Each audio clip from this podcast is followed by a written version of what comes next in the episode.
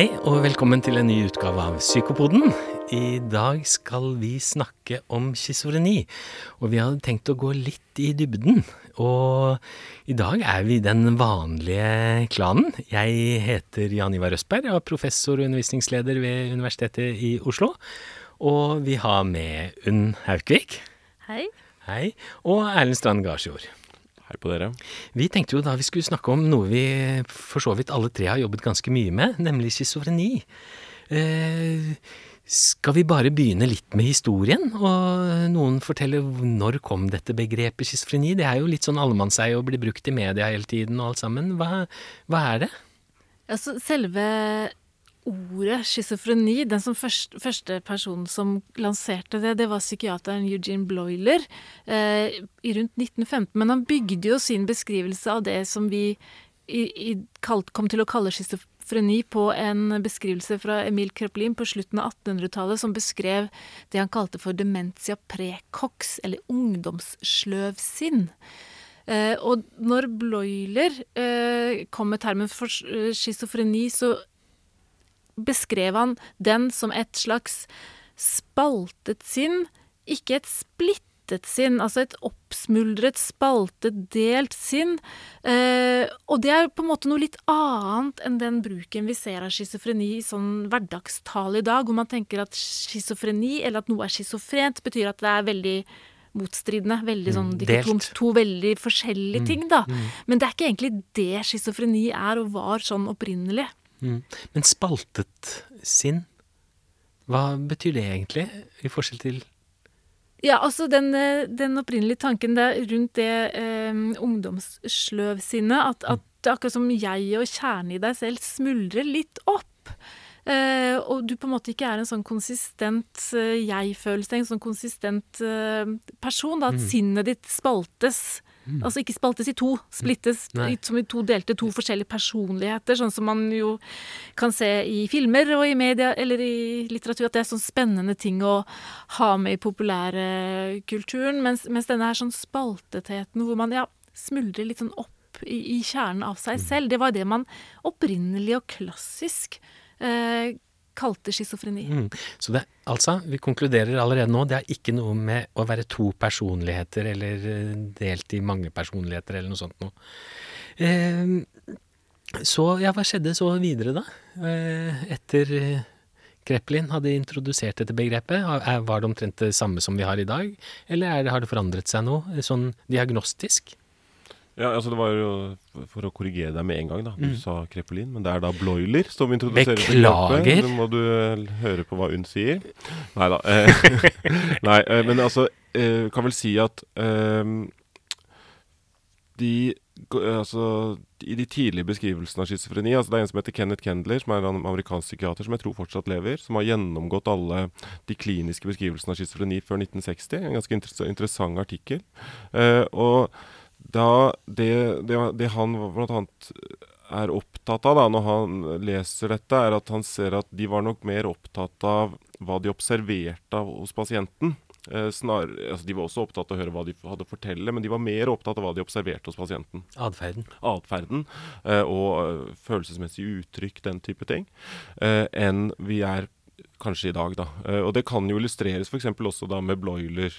Han har jo blitt kjent for sine fire a-er, uh, som er da autisme, assosiasjonsforstyrrelse, affektavflatning og eh, ambivalens. ambivalens. og er jo, ikke sant, alle disse tingene, de er ting vi egentlig observerer hos pasienten. Eh, det er ikke noe de nødvendigvis forteller oss om, det er noe vi observerer. Eh, og er tegn snarere enn på en måte ja, symptomer på et eller annet vis. Ja, ikke sant. Eh, og, så, og, og, så har det da skjer det et skifte i diagnostikken i 1980 eh, hvor vi går med DSM-3, hvor vi går opp til mer deskriptiv diagnostikk. Det har vi jo snakket om i mm. tidligere episoder. Mm. Eh, og hvor det blir da et, et skifte da fra eh, kanskje mer denne fenomenologiske forståelsen, som hun også er litt inne på, av, den, av på en måte fenomenet eh, schizofreni, i hvert fall i sin typiske eh, utforming, eh, til en mer da eh, sjekkliste eh, der hvor vi på en måte har diagnoser som indekserer tilstanden. Mm. Og hvor da eh, disse, bl.a. disse schneiderianske førsterangssymptomene, eh, som jo er da eh, primært av hallusinasjoner og, og, og, ulike typer vrangforestillinger, fikk på en måte mer forrang, da, på et eller annet Mm. vis. Eh, og det har nok uh, endret uh, Det endret nok en del av konseptualiseringen eh, av uh, schizofreni ganske betydelig. Mm. Eh, og jeg tror jo at vi kanskje eh, At det også gikk noe tapt på et eller annet vis. Jeg vet ikke om dere kan være enig i det, med den endringen. Eh, Med at- den fenomenologiske endringen. ja, det tror jeg. Det er, Mm. fall, og det er jo uh, psykiatere som har skrevet det ganske tydelig da, Mm. senere. Mm. Uh, um, og så er jo, men sant, Dette illustrerer også at diagnosen er jo sant, i, i stadig endring. Det har jo også skjedd en ny endring nå i, med DSM-5, da, sant, hvor man har eh, bl.a. gått bort fra å vektlegge disse schneiderianske førstegangskriteriene eh, i like stor grad. Da. Så Mm. dette illustrerer jo også at denne indekseringen den endrer seg også hele tiden. Over tid. Ja. Mm. Eh, men eh, ja, så det Så kan man vel si at sant, vi, Nå begynte vi med 1913, eller slutten av 1800-tallet med demensia precox 1913. eh, og det er på en måte Kan man vel si at det er da schizofreni som begrep. Men så er jo schizofreni er jo på en måte den vanligste psykosediagnosen. Eh, ikke sant? Og psykose er jo beskrevet fra antikken. Mm. Eh, ikke sant? Men det er da den mer sånn beskrivelsen av dette fenomenet, da. Mm. Eh, som eh, har en ca. 100 år lang historie, Mm. da. Mm. Mm. Spennende. Eh, det er jo litt interessant det vi sier med subjektivitet og den fenomenologiske beskrivelsen, at vi har mistet den litt. Den er, men den er jo ganske på kontinentalfilosofien, kontinentalpsykiatrien, så er den jo ganske levende, er den ikke det? Og det er vel noe som vi litt mer og mer tar inn nå? Eller det er iallfall mitt inntrykk. Den der, som du sier, den der oppløsninga av selve og, og føle at du går i oppløsning og at verden er annerledes og den følelsen der. Ja, det er jo interessant du på en måte sier det, fordi det er jo Vi, vi forsker på det når vi driver våre studier her i Norge nå, at man tar jo inn det eh, perspektivet. For det er akkurat som om eh, Litt sånn som Erlend var inne på, at klassifi altså klassifiseringen av hva som er schizofreni, det endrer seg jo når vi endrer hvordan vi eh, grupperer det eller beskriver det.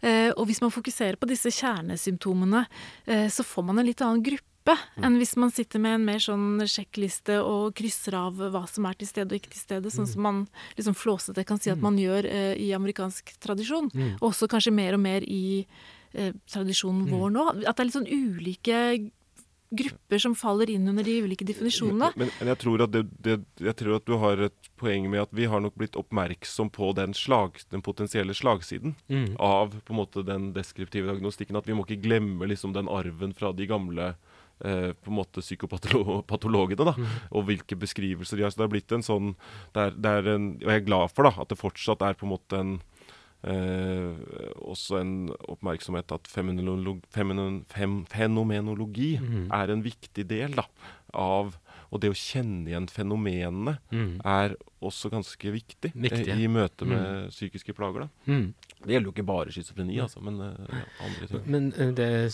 det dere sier nå, som jeg tror det er viktig, er jo at dette er jo ikke noe homogen lidelse. Er, du- du nevnte forskjellige grupper her. Mm. Altså, dette er en, litt sånn en sekkebetegnelse hvor vi putter litt forskjellige ting oppi, og så har de de og de karakteristikkene, men der stopper den litt. Ja, for det var, det var litt det jeg ville si, hvis jeg kan fullføre. og Det var nettopp dette at med den gruppen som vi tenker på, når vi tenker litt det som eh, de gamle gutta beskrev, eh, liksom den opprinnelige schizofrenidiagnosen, det, er- det, det er noe litt sånn kvalitativt annerledes enn mye av det som vi kaller schizofreni i dag. Og når vi skal snakke om forekomst, når vi skal snakke om arvelighet, når vi skal snakke om komorbiditet, når vi skal snakke om prognose, funksjon, eh, så er det litt viktig å, å ha i bakhodet at dette er, som du sier, Nivar, veldig heterogent. Mm. Mm. For, da kommer vi jo litt over på dette her, det, det det er jo veldig viktig at vi får med historien. Det, det er derfor vi begynner med dette. Aristoteles sa vel at skal vi forstå noe, så må vi gå til røttene av dette her, og det har vi gjort litt eh, kort nå. Så har vi flere episoder med, hvor vi går litt grundigere inn på det. Men eh, det er ikke noe folkesykdom, schizofreni, er det det? Hvor mange er det som rammes av dette her? Så det er jo litt ulike estimater, da, men altså en uh, livstidsprevalens da, på cirka, litt, kanskje litt i underkant av en prosent eller noe sånt. Mm. da, av hundre. Uh, så det er jo ikke vanlig, men det er jo heller ikke veldig uvanlig. Uh, og det er vel sånn at Nå husker jeg, jeg har regnet på det en gang. Altså er det en 50 17 000 10 000 var det siste jeg 10 000 hørte. mennesker ja. Ja, mm. Eh, i, eh, mm i, Norge som til enhver tid har den diagnosen. Mm -hmm. eh, og så er det jo en diagnose som eh, opptrår, opptrer ganske tidlig mm. i livet. Eh, de aller fleste får den mellom 15 og 30 års alder. Mm. Eh, og som, Vi kan vel snakke litt om prognose, det er jo som hun sier ganske heterogent, men det er jo likevel Eh, relativt stor andel som har en del funksjonsvansker Mm. eh, over lang tid, eh, som gjør at den det, det er jo en ganske mye sykdomsbyrde, da, Mm. eh, totalt sett. Mm. Ikke sant? Og det er jo litt å huske på at jo lengre du lever med sykdommen, eh, jo større blir jo på en måte den totale sykdomsbyrden. Mm. Så det å bare si sånn ja, det er 1% det er ikke, egentlig ikke nok. Mhm. Fordi du må også huske på at de aller fleste sykdommer de er knyttet til alderdom. Ikke sant. Eh, og vi lever kortere med Mm. de sykdommene. Mhm. Så schizofreni er en eh, ja, hva skal man si, ganske sjelden, men likevel ganske viktig sykdom. Mm. Eh, Mhm. Fordi den, uh, Ofte den er langvarig. ja, den er langvarig. Mm. Den har, det er for de fleste langvarig, uh, eller har langvarige konsekvenser, eh, og noe man må måte forholde seg til, da, og, Mm. og ofte trenger hjelpebehov over en del tid. Da. Eh, da har vi jo ikke snakket om hva schizofreni egentlig er. Med dette, Nå har vi snakket litt om historien og litt sånn om eh, hvor hyppig det er. og sånn, Men hva med, hva med symptomer? Eh, vi har slått fast at det ikke dreier seg om spaltet personlighet. Men eh, Altså det mest, hva skal man si da? Det er liksom som Vi har allerede nevnt eh, kjernesymptomer og first rank-symptomer Ja. og de Så nå må tre-fire a-ene. videre. Så hvis man skal være litt sånn stringent og pedagogisk, så er vel det man på en måte tenker på som det aller hva skal man si, viktigste, eller kanskje ikke det, det som er mest sånn klassisk typisk for schizofrenisykdommer, er jo de positive symptomene. De som på en måte fører til en slags realitetsbrist, som enkelt sagt kan være vrangforestillinger, hallusinose eller tankeforstyrrelser. Og så er det ofte kobla med eh, negative symptomer, og som går litt over i disse fire a-ene, med mer sånn ambivalens og apati, den type symptomer. Eh, og så kan man ha kognitive eh, utfordringer. Eh, men det som man på en måte klassisk sier, er jo disse vrangforestillinger og hallusinose tankeforstyrrelser. Mm. Nå sier vi positive og negative symptomer. Positive symptomer er et tillegg av noe som egentlig ikke skulle være der. Så nevnte du hallusinasjoner. Hva er hallusinasjoner? Nei, det er jo da altså en sanseopplevelse uten ytre stimulering av det sanseorganet. da. Mm. Eh, og, sant? Og, eh, det høres jo veldig teknisk ut, men det er jo da f.eks. at du kan oppleve å høre stemmer eh, uten at noen at du er alene, da, uten at noen eh, er ved siden av deg og Mm. snakker til deg. da. Mm. Eh, så, og det er jo interessant. Jeg tror vel at altså når det gjelder f.eks.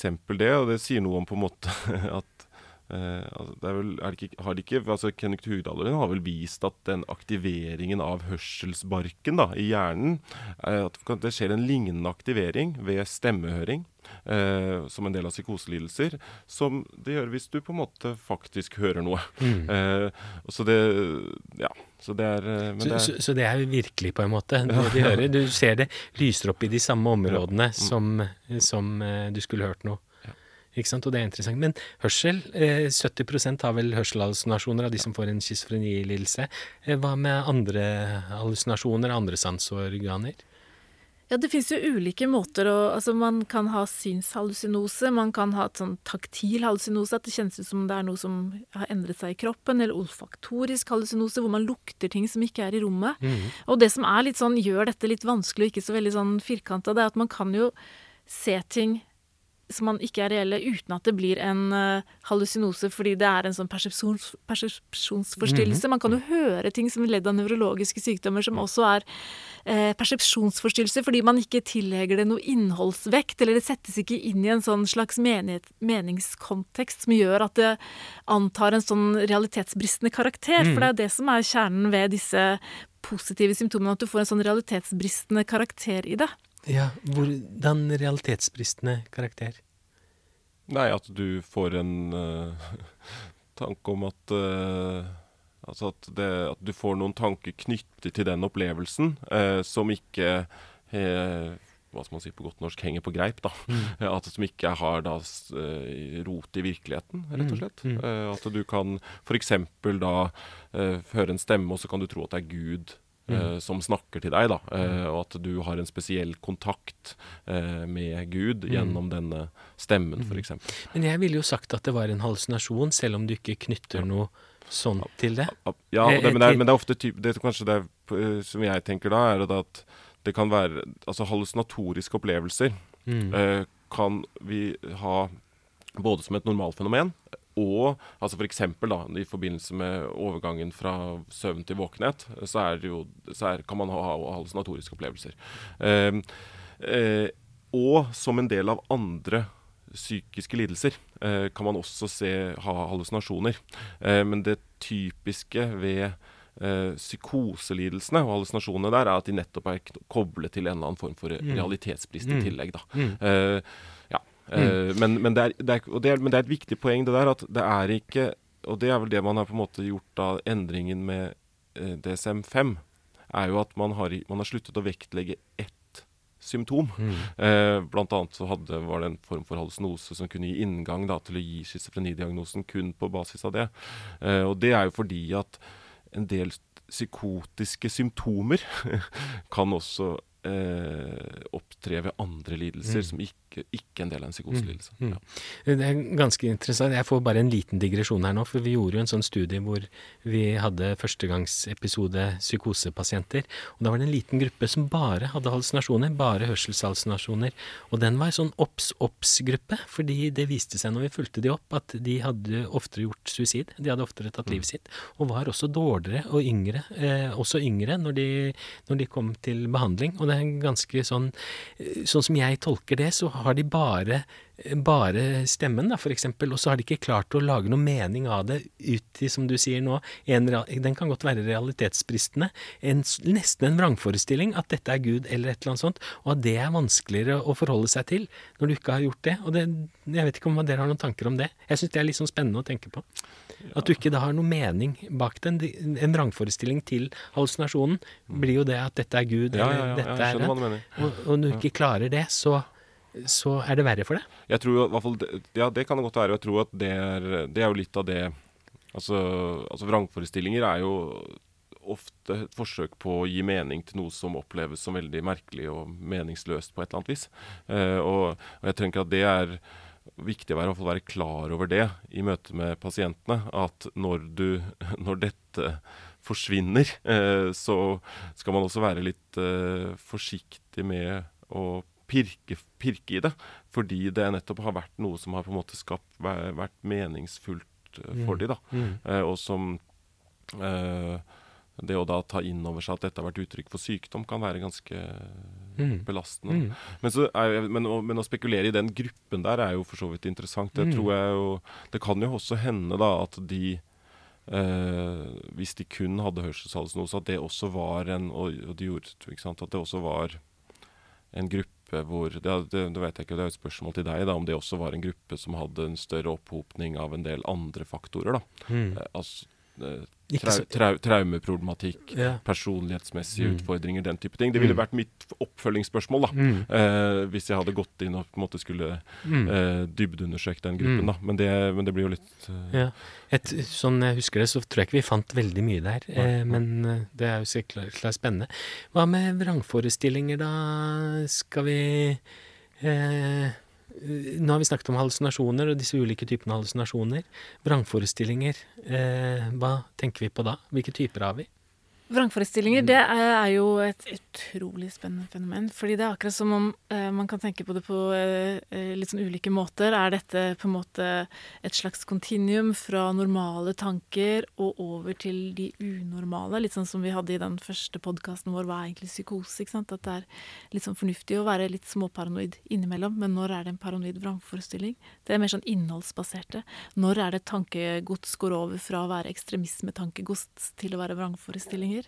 Eh, vi snakker jo om vrangforestillinger av ulik karakter, av paranoid, altså ja, persekutorisk karakter. Hvilke ulike typer vrangforestillinger er det som er Altså, det, spørs jo, det er mange måter å dele inn vrangforestilling på, men det som vi kanskje typisk gjør når vi diagnostiserer litt sånn skjematisk, eh, det er jo å dele inn i de persekutoriske, de eh, selvhenførende? Altså forfølgelsesvrangforestillingene, de selvhenførende vrangforestillingene, hvor man tenker at ting som skjer på TV-en er beskjed rett til seg selv, eller at det som foregår rundt deg er en kode direkte til seg selv. Grandiose vrangforestillinger, hvor man har spesielle evner, eller spesielle, fått blitt tildelt spesielle oppgaver. Mm. Somatiske vrangforestillinger, hvor man tenker at noe er galt med kroppen sin.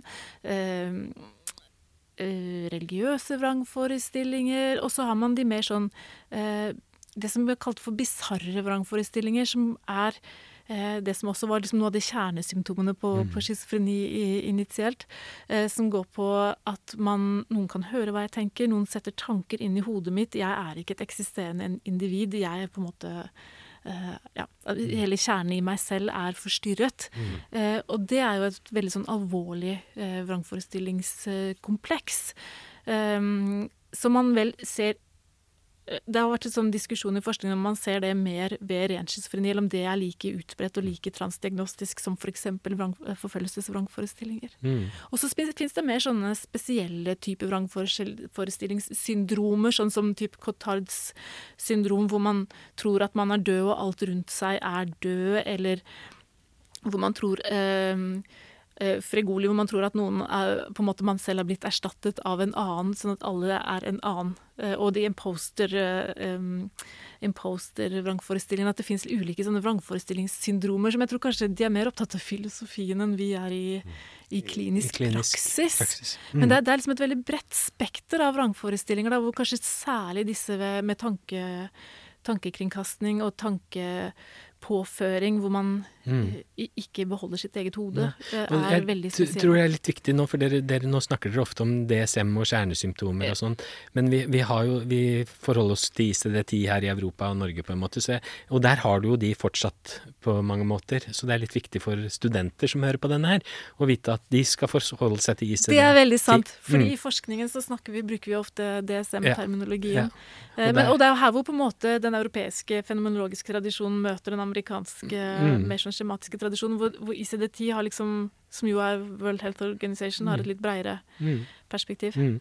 Kan, Jeg, kan jeg nevne noe? For jeg synes, bare sånn forlengelsen av det hun sa. For jeg, jeg syns også et sånt fenomen da, som er um, uh, Som jeg tenker at of, som jeg tenker i hvert fall at ofte ses ved være typisk for schizofreni, er vel det vi kaller passivitetsbevissthet. Det er litt sammenheng med de opplevelsene du beskriver. At man opplever at man blir eh, passiv. En passiv brikke der man blir styrt av krefter utenfor en selv.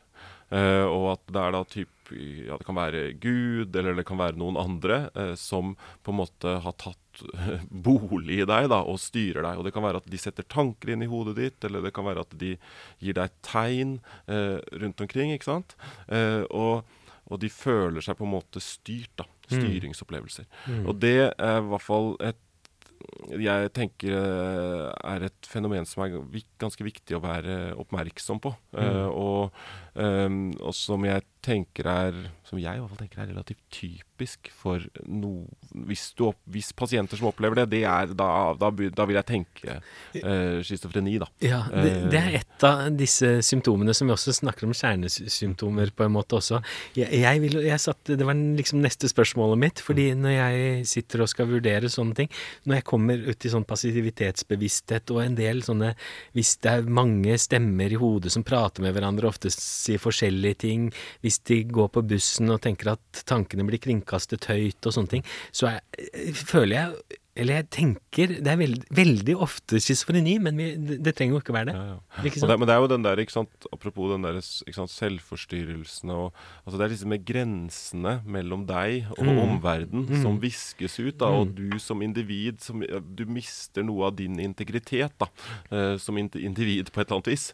eh, som jeg tror også henger litt sammen med denne gamle beskrivelsen da, av eh, schizofreni. da. Mm. for det er litt som om man på en måte slutter å være et handlende menneske. mm. eh, Med, Mm. på, en måte, med på en måte den med en eh, agency, Ja, at man ja. på en måte ikke lenger ja, ja, har en agency i verden. Mm. Eh, Ja, og, man er, og det er jo også, ikke sant, det er jo også, tenker jeg, har sammenheng med at man en del da blir at, det, at man har blitt fratatt på en måte skyldevne da, eh, i en del situasjoner, er jo det er ganske naturlig å tenke. At du ikke har det eh, når du opplever sånne typer fenomener. Mm. Eh, litt tilbake til vrangforestillinger, eh, og du nevnte jo det, dette her eh, Det var lurt å være litt eh, Litt eh, skeptisk, litt paranoid, nevnte du. Jeg har bare lyst til å si at paranoid betyr egentlig ved siden av fornuften. Jeg tror det er viktig sånn I norsk dagligtale så bruker vi paranoid om å være forfulgt og noen er etter meg og sånn. Para betyr ved siden av, og nos betyr fornuften, så det er noe som er ved siden av fornuften når vi snakker om eh, dette her. Men jeg strever jo av og til med andre lidelser. Ja. Så jeg tenker på pasienter med tvangslidelser, f.eks. Når de må f.eks. lukke døra 20 ganger før de skal eh, skal eh, ut av huset, eller deprimerte som ja, du kan jo tenke at det ikke er noe verdt, ikke sant? Spiseforstyrrelser Spiseforstyrrelse som ser seg i speilet, tenker jeg, som egentlig er kjempetynne, som ser seg som tykke. Uh, you name it. Altså, det er mange eksempler på hvor dette her er ganske vanskelig, er det ikke det? Jo, jo, jo, og det er, og det, er det. Mm. Uh, ikke sant? Uh, Mm. Det er vanskelig da, og det kan være vanskelig å eh, på en måte f.eks. da si når eh, en, noen, altså en del forestillinger blir psyko, av psykotisk eh, karakter, da. Mm. Eh, det tenker jeg det er en Og da mener du at det er en realitetsbrist der? Ja, Virkelighetsoppfatningen ja, ja. er på en måte truet? Ja, men jeg Mm. tenker det er viktig å si at også sant, at det kan ha eh, realitetsbristende forestillinger som en del av noen andre Mm. lidelser. Mm. Eh, og hvor på en måte det er kanskje det er fortsatt hovedsakelig en spiseforstyrrelse. Mm. Eh, ikke sant? Mm. Eller hovedsakelig en depressiv tilstand med psykotiske symptomer. Mm. Mm. Eh, og så er det jo på en måte grenseoppgangen av og til mellom en vrangforestillingslidelse og OCD. Det kan jo absolutt være vanskelig. Mm. og Ja, og det er, det er på en måte den Det, det, er, det er liksom Det er det må, det må forstås, i dette har jeg helt sikkert sagt før i denne podkasten, i lys av de grunnlagsproblemene som er. Mm. Eh, at vi Det er av og til eh, Altså, vi, vi kategoriserer dette, og så er det kontinuumer, sannsynligvis, her. Og grenseoppgangene mellom lidelsene er ikke alltid så lette. Og da må du eh, drøfte eh, hva du tenker er eh, problematikken. Mm. Eh, og så tror jeg ofte at det er lettere å bli enige om hva, hvordan man skal behandle det, Mm. enn å på en måte bli helt sikker på om du Mm. skal havne på den ene siden av Mm. grensen og den andre. Og det er liksom kanskje det å gå videre Drøftingen er det viktigste, og så gå videre til hvordan behandler vi dette. Mm. Det, det, det kan være lett, men det kan også være vanskelig. Tror jeg er Ja, Men, og jeg sa ofte. Ofte. Skulle du si noe, Unn? Var det noe Nei, jeg tenkte litt på det som eh, Erlend sa, det med uh, at vi ser jo disse altså psykosesymptomer. Det ser vi jo realitetsbrist, kan vi jo se ved en rekke andre Ja, ja. lidelser. Men f.eks. ved alvorlige depresjoner så, jo, så vil det på en måte høre med litt sånn eh, eh, vrangforestillinger om at man ikke er noe verdt, eller om at noe vondt kommer til å skje. At det er såkalt, disse stemningskongruente vrangforestillingene. At man har hallusinose som forteller deg hvor udugelig det er, at det lukter død og fordervelse rundt deg. Eh, og det på en måte altså, eh, kan man se ved ehm, eh, alvorlige depresjoner. Men, men hvis man da har vrangforestillingen av eh, mer sånn eh, eh, bisarr karakter, mm. eller passivitetsbevissthetsforstyrrelser, eller eh, eh, sånn helt stemningsinkongruente, så kan man jo begynne å tenke at eh, da blir liksom denne evalueringen Er dette på en måte en depresjon i et eh, mer sånn schizofrent bilde? Mm. Eh, at man skiller litt der. Men det er eh, flytende overganger her. Det er noen røde flagg for klinikere. Hvis du er deprimert og har stemningsinkongruente vrangforestillinger, da lyser det røde flagg hos meg i hvert fall. Da tenker jeg ofte at dette kan dreie seg om noe annet enn en ren depresjon. Mm. Men jeg tenker også sånn på du nevnte, Vi nevnte dette kontinuumet, dimensjonale fenomener, som det meste er. At eh, eh, det er jo noe med, som alle har opplevd. Som? Hvis du kommer inn i et rom, og noen står og prater, og så stopper de og prater og ser på deg, f.eks., da vil du jo nesten alle av oss tenke at «Øh, pratet de om nei nå, var det et eller annet sånt? Er, er det en vrangforestilling, eller no, hvor går grensen her? Kan dere si noe om det? Jeg vil ikke tenke at det er en vrangforestilling. Nei? Nei, nei jeg Dere rister ikke det. på Altså, det. Det er ikke en vrangforestilling. Nei. Det, det å være lett selvhenførende, da. Ja, Eh, lett det, det, det, selvhenførende. det tror jeg vi alle er. Ja. Eh, Så det er jo det at man Altså det må være en viss kraft i måten man fastholder det på, Mm. eh, og at det skal på en måte vare litt. da, og at Mm. man er, Det er en, det er en overbevisning da, Mm. eh, om at det er at det er noe ekstra spesielt som skjer knyttet til deg, da. Ikke Mm. sant? Men det at du Jeg tenker jo at vanlig angst Mm. har jo definitivt selvhenførende aspekter. Mm. Eh, det er jo ja. Ja, for det er jo litt det, er jo det du sier med at eh, eh, det er sånne continuum samtidig når vi snakker om altså, realitetsbrist, så er det sånn Kan man briste realiteten litt? Eller er det noe litt mer absolutt? Den er interessant, den har ikke jeg tenkt på. Uh, og, og, og i det så ligger det også på en måte Når blir disse tankene ikke sant? Det er jo fornuftig noen ganger å tenke at ja, snakket de meg eller ikke? Det er en sånn helt vanlig tanke. Eh, men eh, Å, nå mistet jeg tråden min. Uh, det, det som jeg skulle si, det var um, Realitetsbrist og cutoff. realitetsbrist og cutoff, og i forlengelsen av det Erlend sa Om, eh, om eh, at det var lurt å være litt selvhenførende. Nei, ikke lurt. Nei, altså, det er vanlig. vanlig. Ja, vanlig. Jeg, jeg, jeg, er det vanlig og lurt? Det, det kan Nei, jeg Jeg tenker det det- meste er lurt. Men hvis vi går videre, da, så tenker vi Jo, så kom- nå husker jeg det. Ja, uh, jo, nå husker jeg det, selvfølgelig. Fordi det er også noen, noen som uh, mener dette at når man da kommer til denne, om det er en cutoff eller ikke, ikke sant? at det er knytta det å ha en sånn forestilling at det er litt persisterende som, eh, og varer over litt tid, som Erlend sier, men også det at det er knytta til et slags sånn ubehag eller en slags følelse. Sant?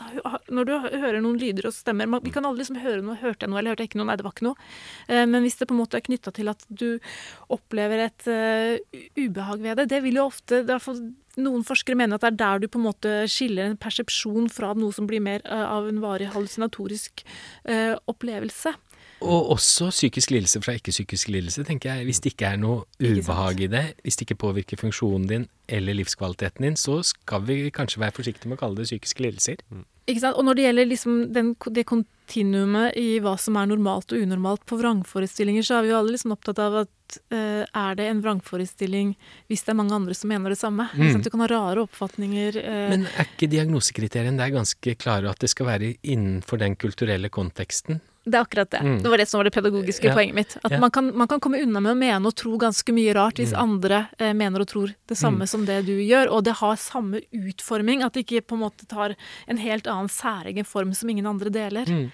Og det er jo liksom vanskelig i mange av de der debattene som på en måte over imot ekstremt, ekstremisme i, i forhold til religiøsitet, i forhold til andre øh, alternative overbevisninger. Vi har jo kjente personer som snakker med engler og ser engler. Vil dere tenke at dette er psykotisk? Nei, så lenge det er en del av en uh, kulturell Mm. jeg, jeg tenker at de er en del av en, Ja. sub, en subkultur, Ja. uh, og at, det, at vi skal eh, være forsiktig med å, kalle, med å sykeliggjøre det, egentlig.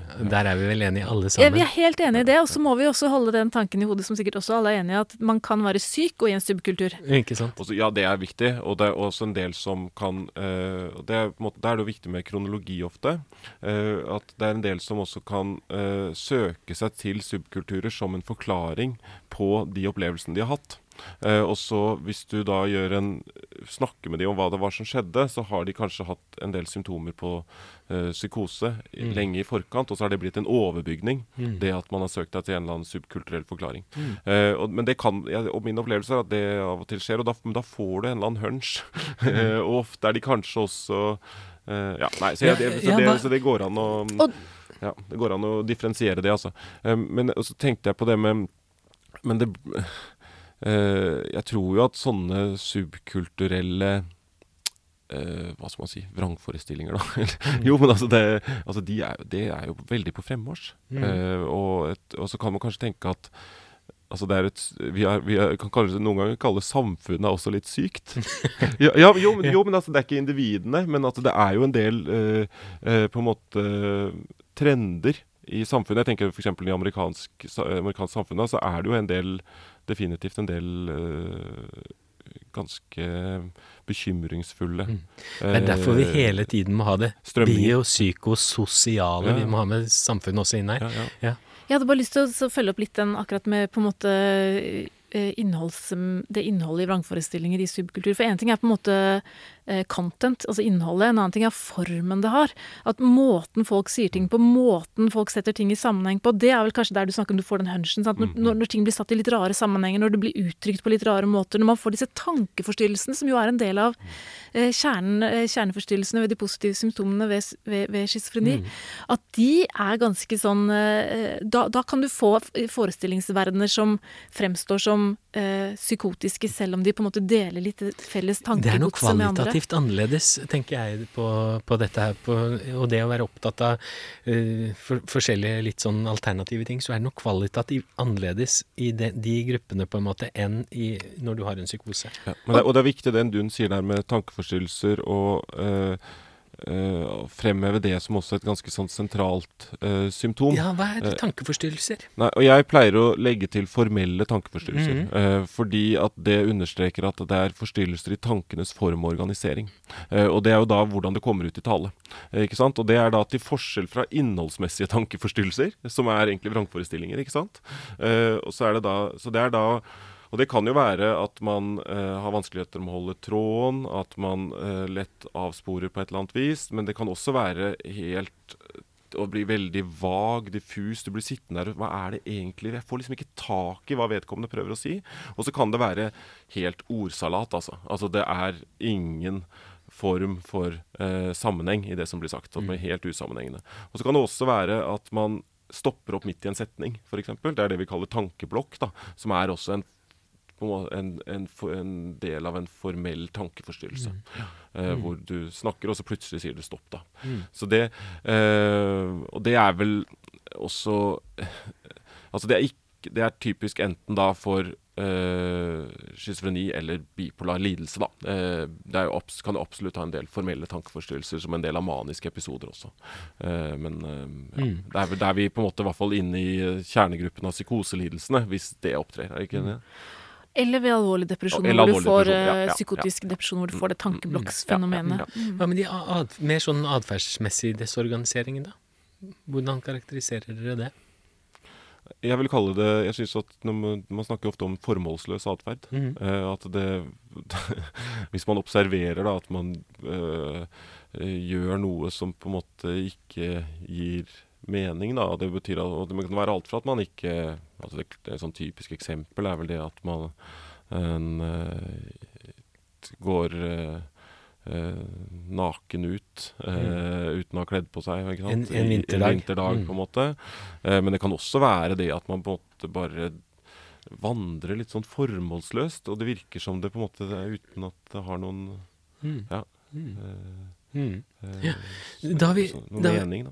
Da har vi tatt de positive symptomene, altså tillegg av noe som ikke skal være der, altså hallusinasjoner, vrangforestilling og desorganisering, som er viktige. Og så gjør vi sånn som alle lærebøker og alle forelesninger etc. Så det kommer sist med kanskje det viktigste ved denne diagnosen her, nemlig de negative symptomene. Altså et frafall av noe som skulle vært der. Negative symptomer, det hørte ikke Jeg syns vi av og til ser på det som en litt sånn derre secondary greie.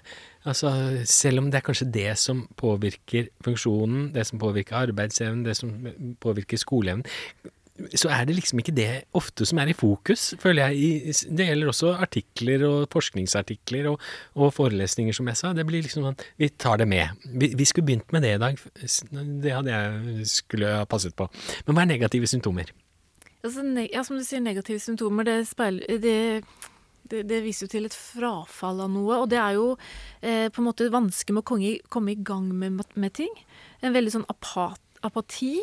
Eh, og en eh, eh, mer sånn altså ambivalens, vanskelig å ta valg, vanskelig å igangsette. Jeg tenker Det henger liksom litt sammen med dette vi snakket om å ikke være et menneske med en agency. At man på en måte ikke kommer i gang med noe. og Det er noe av disse fenomenene som er vanskeligst å behandle også eh, ved en eh, schizofreni. Mm. Hadde du også bortfall av Eller på en måte affektavflatning. Sånn. Ja, Ja, Mm. Det, det er flere av det Ja, ja. jeg begynte. Ja, det, det, er fordi for den er også viktig, da. Men, eh, Mm. men i tillegg så er det jo det. Mm. Ikke sant? At man kan få en eh, mindre følelsesregister, eller register, egentlig. da. Ja. Anhedoni. Ja, og ikke, eh, ja, kanskje, jeg, jeg, jeg tenker jo litt at mye av dette også kommer tilbake til det ungdomssløvsinnet Ja, ja, ja. som Kreplin eh, lanserte. At du kan liksom se for deg en ungdom som på en måte mister initiativet, ikke klarer å ta valg, gå inn i seg selv, blir mer sånn autistisk i, i, inn i sine egne Mm. opplevelser, Mm. og, og på en måte forsvinner litt. Mm. Ja, jeg, jeg er ikke sikker på om det er liksom ren anhedoni, eller kanskje mer sånn manglende følelsesuttrykk òg, eh, som Mm. er liksom det typiske for en affektavflatet Mhm. eh, affektavflatning. Da. Det som er interessant der, er at du også kan typs, veldig tydelig se det Mm. uh, i ansiktsmimikk og sånne ting når det er uh, uh, uttalt. Og det Mm. kan jo gjøre at det kan bli litt vanskelig å forstå hvor du har den andre. Mm. Fordi at de kanskje ikke har den samme responsen i ansiktsmimikk, f.eks. Noe med Som- kontakten. Som, ja, som er en del av den vanlige turtagen i en samtale. Mm. Uh, som kan, uh, som, men som ikke handler om at man ikke nødvendigvis er interessert, men at man har noe mindre ansiktsmimikk. At det Mm. er liksom litt sånn avflatet Mm. følelsesregister. Mm. N- Hvis jeg ikke hadde tenkt at vi snakket om schizofreni nå, så kunne jeg tenkt nesten at dere snakket om en depresjon. Altså apati, affektflathet, ikke komme i gang og gjøre tingene du skal gjøre, ikke være interessert, etc. Kan man, kan man skille det? Er det enkelt? Eh, lett? Nei? Nei, det er jo ikke det. Og det er jo eh, Altså, Det det, det går, vi prøver jo på det. Og jeg, Mm. ikke sant? jeg føler at jeg sitter jo i sånne diagnosemøter på jobben min Mm. eh, ganske ofte, da, og vi sitter og baler med det. Ja, Eh, det, er- det er vanskelig. Det er vanskelig. Det er Det er, vanskelig kanskje på alle derfor, mulige måter. eh, det si, er kanskje derfor man på en måte henger seg litt mer opp i de positive symptomene. For at de er mer klare. Og, og dette her med denne tilbaketrekningen Mm. og, og de negative, at det er eh, Mm. mindre klart. Mm. Men så, men så tror jeg det er viktig å, at vi For jeg har i hvert fall fått noen aha-opplevelser av og til hvor jeg har tenkt at, den, at det har vært en sånn passiv-apatisk sosial tilbaketrekning. Og så, når jeg har blitt bedre kjent med vedkommende, da, så har det kanskje, har jeg skjønt at det også her har vært mer elementer av aktiv eh, sosial unnvikelse knyttet til skam, selvstigma, den type ting. Mm. Eh, eh, Eller de positive ja, symptomene. ja, eller positive Mm. symptomer, som de ikke nødvendigvis har fortalt om. Mm. Eh, så, og det, så det er både liksom opp mot eh, depresjon, men også opp mot at det kan være Mm. ja, betinget i Mm. ja. I, i knyttet forstå, forståelsen av seg selv, på en måte. Jeg trekker meg tilbake for ingen bryr seg om meg. Det er litt den de, samme som den Mm. depressive Mm. tankegangen, kanskje. Mm.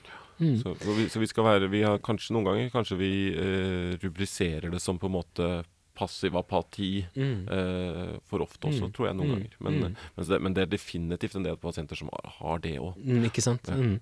Og prognosen der, når de har det. Jeg, jeg sa litt om det, at det er jo det som liksom stopper at de kommer tilbake i arbeid og, og sånne ting. Så Men vi kan jo si kanskje generelt om prognosen, da, når du er inne på det. Ja, det var det jeg tenkte. Det var sånn naturlig overgang nå. Hvordan er prognosen? Når vi har gått gjennom symptomer og sånn. Hva er prognosen? Ikke sant? Dette er jo den, den hyppigste psykoselidelsen. Det er den alvorligste psykosli- psyko- psykoselidelsen, og kanskje den alvorligste psykiske lidelsen.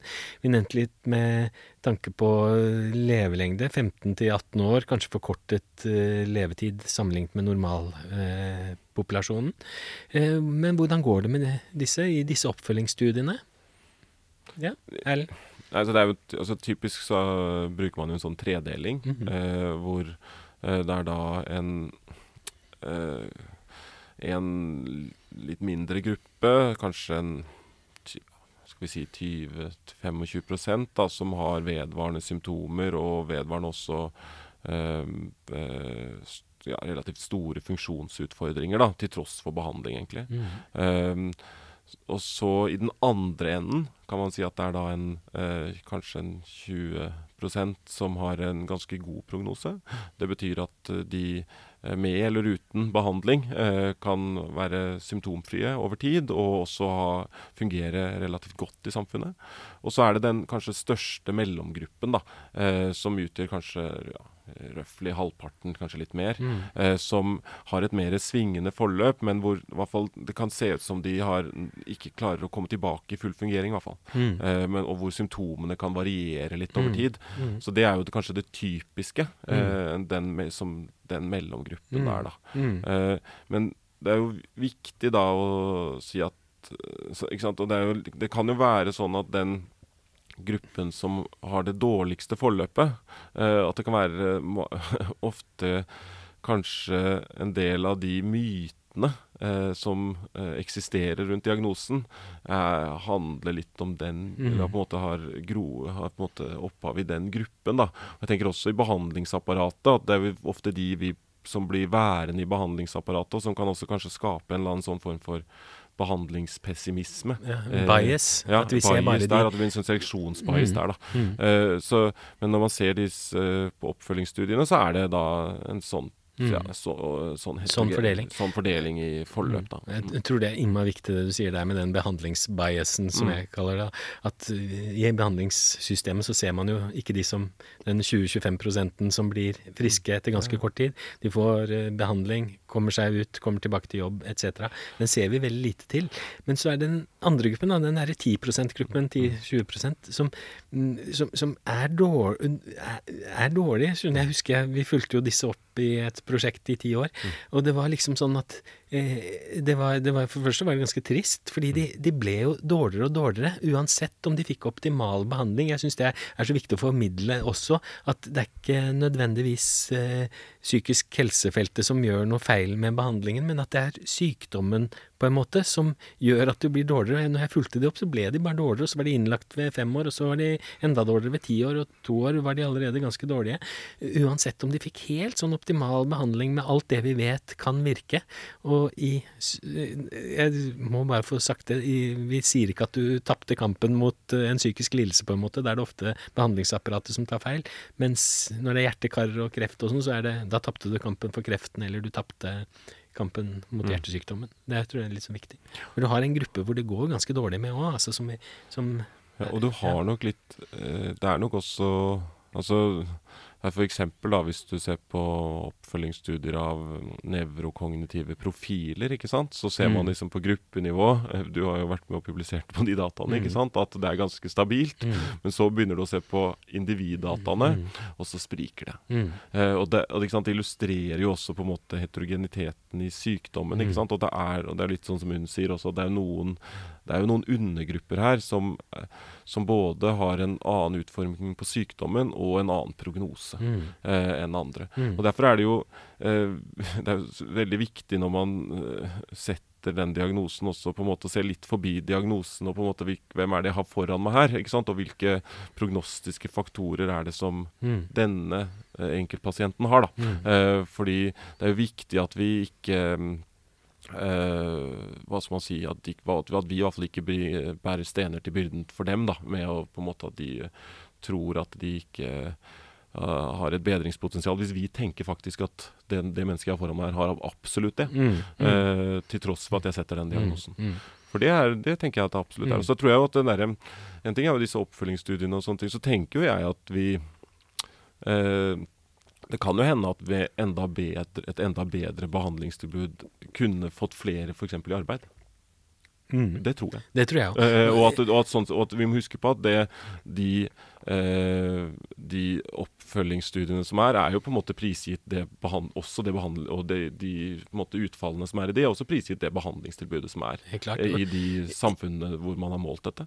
Og jeg tror der, der tror jeg det er et forbedringspotensial. da. Helt klart, og ikke minst dette med negative symptomer, tenker jeg, å komme tidlig til. Altså ganske komme tidlig til med optimal behandling vil jo hindre mye negative symptomer, viser jo disse oppfølgingsstudiene, som er det viktigste for arbeidsfunksjon. Ja, og mer integrert kanskje jobbrehabilitering i uh, helsevesenet for akkurat denne gruppen, Mm. for f.eks. Mm. Uh, tror jeg der er det Mm. potensial. Altså. Mm. Mm. Og, men da er det jo da kanskje det å kunne fungere samtidig leve med noen symptomer på en sykdom, ikke sant? og likevel kunne uh, fungere i samfunnet. Mm. Og det er også litt viktig å framsnakke det perspektivet, at for noen så vil det absolutt være helt uh, mulig. Mm, mm. Mm. Ja, ikke sant. Samtidig som du må passe på at du ikke får en sånn behandlingspessimisme. At du ikke At du stopper for tidlig før du har blitt kvitt sym symptomene som du kan bli kvitt av. Det er en sånn balansegang, Ja. tenker jeg, i, all, i alle sykdommer og lidelser. Eh, jeg lurte på hva, vi, snakket om prognose. 15 til 18 år, pluss minus, eh, viser studier at de dør tidligere. Eh, hva dør de av?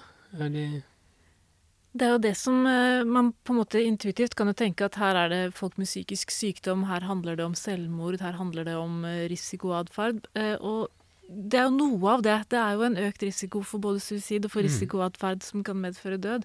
Men vi ser jo at de dør i mye større grad av vanlige sykdommer som hjerte og kar. Mm. Og, det har kanskje vært litt sånn underkommunisert i den tiden vi har hatt pasienter til behandling. Noen har ment at det skyldes at de får medisiner. Andre studier viser jo at pasienter på medisiner har lavere dødelighet enn de som ikke tar medisinene Mm. Så her handler det vel også noe om funksjon og mulighet til å ivareta egen helse. Så ser man jo at det er en sånn slags genetisk komorbiditet mellom en rekke sykdommer Mm. og schizofreni også. Mm. Sånn at det er, det er, det er ganske sånn komplekst at eh, mye av den nyere biologiske forskningen går jo inn på immunologiforstyrrelser, og at det er eh, ja, rene sånne biologiske mekanismer Mm. utover de som bare skyldes medisinering, som ligger bak, Mm. eh, Mm.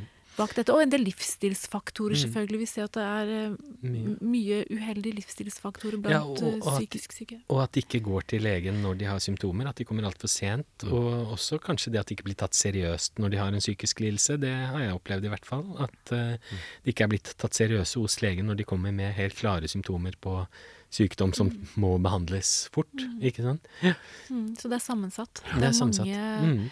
mange elementer med Mm. der. Det er jo det der, ikke sant. Det, det er ikke altså, Du nevner hjerte-karsykdom, som jo er den viktigste, ikke sant. Men hvis du ser på eh, Det er vel eh, Altså, de, de har jo en overhyppighet av nesten alle Alles, somatiske ja. lidelser. Mm. Eh, og det eh, har har helt sikkert en del med, med livsstilsfaktorer å gjøre. Um, men det har nok også noe med at, som du sier, at vi at dødeligheten f.eks. ved sykdommene er litt høyere for denne gruppen. Mm. Uh, ved at de kanskje ikke får like god og, Altså ikke blir fanget opp like tidlig. Mm. Og ikke får den samme behandlingen. Da. Mm. Eh, og så det er en eh, Der er det nok en annen skjevhet, altså. Jeg, Eh, tror, og jeg tror den fortsatt er der. eh, tror der og den må vi jo bare passe på at eh, legestudentene setter disse først i køen, tenker jeg. Altså, fordi disse rammes jo av det. Jeg har bare lyst til å nevne den der tiårsoppfølgingen igjen. Ja, da. Altså, hvor, hvor da, de inkluderte pasientene da i sånn 25-årsalderen, og så fulgte man i ti år, altså gjennomsnittlig da 35 år, så hadde jo litt over 5% av de hadde jo gjort suicid og tatt livet sitt. Mens de andre var eh, sånn likt fordelt mellom hjerte, kar, kreft og lungebetennelse, faktisk. Litt sånn eh, forskjellig, de andre fem prosentene. Og så er, varierer jo dette veldig fra land til land også, har jeg sett i de store studiene. Ja, hun. Ja, nei, jeg bare tenkte på en annen perspektiv her. Så, så det, det er sammensatt. Og det er også sånn at man øh, Du sa jo på begynnelsen at øh, vi skulle prøve å forstå dette med schizofreni, men vi forstår jo ikke helt hva det er, og vi vet jo ikke helt hvor det kommer fra.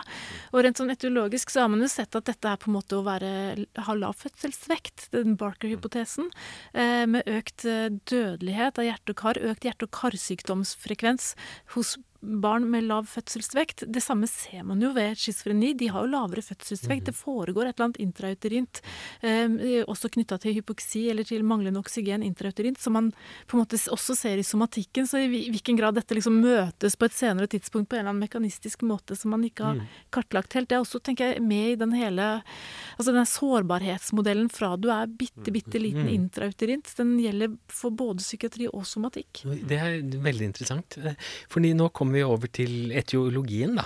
Vet vi noe om årsakene til eh, schizofreni? Eh, It's complicated. Nå har jeg lyst til å si Det er veldig få lidelser vi vet årsaken til. Da. Vi har masse eh, risikofaktorer, og det har vi også ved schizofreni, tror jeg. Og det er sånn det er ved veldig mange, mange lidelser. Vi har mange risikofaktorer. Hva er risikofaktorene for å utvikle schizofreni? Altså Schizofreni det er jo gener og det er miljø, Ja. eh, sånn som det meste vi snakker om. Mm. Eh, Schizofreni har jo ikke sant, De heritabilitetsestimatene de er ganske høye. De er opp mot 80 eh, Det betyr ikke at det er 80% sjanse for at du får en schizofreni hvis en i familien har det, men man ser jo at det er en genetisk komponent som taler for ganske mye. Eh, og jo, jo liksom lenger forskninga går, jo mer finner man jo ut eh, at dette Altså hvilke gener, eh, eller hvilke mekanismer disse genene eh, som på gruppenivå eh, det er, eh, Eller genvariantene det er mer av hos schizofrenipasient på gruppenivå, fra at man for 15 år siden tenkte at her er det enkeltgener, her er det disk, her er det BDNF, her er det liksom spesifikke um, pro, um, gener som koder for visse proteiner, mm. til at man nå ser at dette er veldig sånn polygent. Og det er masse gener og genvarianter som samspiller. Mm. Og jo større studier man gjør, jo flere av disse polygene genene altså jo større blir den mm. matrixen der. Jeg husker jeg pugget fem gener jeg, når jeg var ganske ny i psykiatrien, som var veldig hotte den gangen. Jeg ser ikke de så ofte lenger nå mange, mange er det nå. 100 128 var det jeg leste til sist, som er veldig Langt over 200 nå. Ja, da, ja. ja det, det er, jo, jo, større studiene blir, jo flere, flere gener blir det. Men, men, men, også finner de også dette du nevnte litt immunsystemet. Veldig, det er veldig opphopning av genene som har Nettopp. noe innvirkning mot immunsystemet, og det er jo interessant. Nettopp. Og det er jo det man på en måte kan bruke disse polygene risk altså mm. Man kan bruke de til mye i forskningssammenheng, men man kan også se litt på sånn rett mekanismisk Hva er de involvert i? Mm. Eh, er det liksom plastisitet? Er det immunologi? Er det Uh, og det er jo der det en del av de kommer ut. Er det glutamat? Var det en del av de tidlige genvariantene? Det er, det, det er, på en måte Man ser litt mer som mekanistisk på det fra den biologiske mm. siden. Er genetikken. Da, er da uh, konklusjonen når det gjelder genetikk og schizofreni, at vi vet at det er noe genetisk her, men vi vet ikke helt hva det er. Og så må vi fortsette å lete. Det er liksom min konklusjon eh, når jeg leser. Vi, vi, vet at det er et eller annet der, og så vet vi ikke helt hvordan dette henger sammen med miljøet, hvilken, hvordan det henger sammen sammen på det er, det er, så innmari komplisert. Og det er det som gjør det komplisert. Mm. Og, For vi ser at en del av de risikofaktorene, sånn som barndomstraumer, de påvirker jo genene i sånn epigenetisk, så du kan se de forandringene på neste generasjon. Sant? De går inn og virker i genomet. Eh, eh, og så du får epigenetiske forandringer. Sånn kan, det virke, kan, epigenetiske forandringer virke over til neste generasjon? Ja, det, det er nye det studier har vist det. Jeg er for det skjønner jeg ikke hvordan. Eh, fordi genomet endrer seg i sin struktur. Jeg er ikke genetiker, men at det er i hvert fall ja, ja. endringer som Og det har de vist for spesielt barndomstraumer. Ja. Ikke bare at det går i arv sånn rent sosiologisk, nei. men jeg har ikke referansen i hodet, så jeg kan ikke gi deg det nå. Nei, nei, for jeg har jo også hørt det, så jeg bare tenkte, og jeg vet at det er sånne studier studier som viser det at det kan gå i arv, på en måte. Men jeg skjønner det ikke rent logisk, for alle disse arveanleggene i eggcellene og sædcellene er vel allerede lagt når du blir født? Er det ikke det? Ja, men da går det altså øh, ja. ja, sånn, ja. Ikke sant? For de er jo allerede stadig, så da skjønner jeg ikke hvordan du kan arve de videre. Nå er ingen av oss genetikere, så vi kan kanskje invitere en genetiker en dag. Men jeg syns det er veldig spennende, for jeg har sett de samme studiene, og så skjønner jeg ikke logisk hvordan det skal skje. Fordi eh, egg, eggcellene er jo allerede ferdig ved fødselen, og så de, er de da på en eller annen påvirket av traumene, da, på en måte. Jeg, jeg, vet ikke. Men dette er, nå er vi oppe i høy vitenskapelig Og Erlend rister på hendene her. jeg, jeg strekker våpen. Dette, ja, og La oss, la oss forenkle det litt. Ja. For da blir det i hvert fall Poenget ja. er jo det at vi ser at det er en genetisk effekt. Vi vet ikke hva det er. Uh, vi kan se på noen mekanismer, men vi vet ikke hva det er. Uh, og vi vet jo at sånne ting som barndomstraume, rusmisbruk uh, dårlig eh, urbanisering Det er masse, ja. masse ja, faktorer. Dette er litt sånn spennende. Eh, som barndomstraumer kan gjøre det for mange psykiske lidelser. Men det er også for nesten alle eh, fysiske lidelser. Og det er ganske spennende å se på store sånne Det var en ACE-studie i USA blant annet som viste sånn derre Her fikk du Hadde du barndomstraumer, så var det like mye fysiske sykdommer du fikk som psykiske sykdommer. Og jeg tolket det litt sånn at det var oppvekstforhold, kanskje dårligere kosthold, fattigere områder, den derre sosiale aspektet ved dette her. Ikke sant? At uh, begynne å røyke tidlig, begynne å ruse seg, og at det var det som kunne være en sånn faktor til det. Jeg vet ikke hva du tenker? Det er vel uh, ja. begge deler. Det er, det er, så vanskelig å ta det fra hverandre. Det er det, sant? For ja. det er risiko for så mye. Og så er det sånn Ok, så har du på en måte den genetikken du har når du blir født, mm. og så blir du utsatt for litt ulike typer uh, miljøpåvirkninger. Og så er det jo en del som mer, eh, har en høyere grad av resiliens, sant? som står imot mye mer. Mm. Og, og, det er utrolig vanskelig å si sånn, akkurat hvordan dette mm. samvirker. Mm. Men vi vet sånn som migrasjon, f.eks., mm. er en risikofaktor. Og hva skyldes det? Skyldes det at man på en måte er i et nytt miljø hvor man er fremmed og er fremmedgjort? Skyldes det at man kanskje har en lavere sosioøkonomisk status når man kommer fram? Skyldes det at man prosesserer D-vitamin dårligere? Hvis man kommer med en litt mørkere hud til et land hvor det er lite sollys? Hva, altså, hvilke mekanismer er det her? Mm. Det er jo kjempeforskningsfelt. Urbanitet, da, for den er ganske sterk. Jo nærmere bykjernen du bor, jo større er sannsynligheten for å utvikle schizofreni.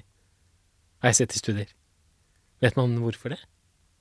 Nei? Nei, men man har, det, er, det er jo et fenomen man har observert. Ja. Og så har man jo diskutert mye om det. Ikke sant? Er det tilgang på grøntarealer? Ja, Ikke ja. Det er jo noen som har, jeg tror de har gjort også Er det tungmetaller fra Ringvei 3? ikke. Er det sånne type ting? Man har vel også tror, gjort noen studier på, hvor man har sett på forekomst og topografiske kart. Og, ikke sant? og tilgangen til grøntarealer. Og så er det jo, så kan man jo ja, Men er det det som er, er det det grønta som er greia, eller er det det at du At det er en uh, sosial drift til de Mm. eh, mest på en måte eh, utsatte områdene. ikke sant? Så det er jo liksom det å, Som Unn sier, det å tease ut liksom, hva er det på en måte som er de kausale altså, altså Mm. altså vi- vi faktiske årsaksfaktorene her, er jo kjempevanskelig. Det er kjempevanskelig, men vi prøver jo å tease ut dette av medisinstudentene. De må på en måte forklare litt om dette her, så vi må, må jo ikke gi opp.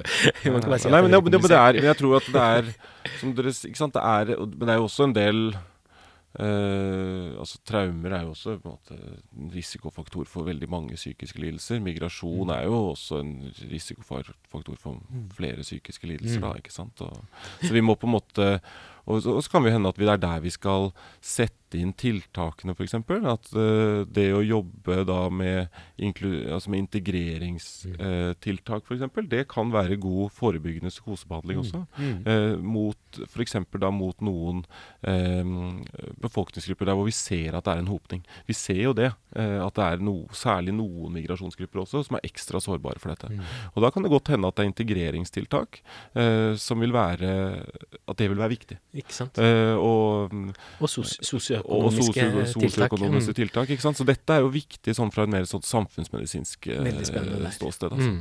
Med barnehager og Ja. godt ja, og bemannede mobbe, mobbing er jo også en sånn ja. transdiagnostisk Mm. eh, risikofaktor, som også Mm. er risikofaktor eh, for Mm. psykoseutvikling. Mm. Mm. Eh, og kanskje det er eh, mobbeprogrammer vi skal drive med. Mm.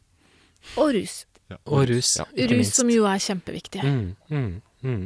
Nå har vi holdt på ganske lenge, eh, og det siste vi fikk sagt var eh, miljøfaktorer. Dette ble en lang eh, podkast med Psykopoden.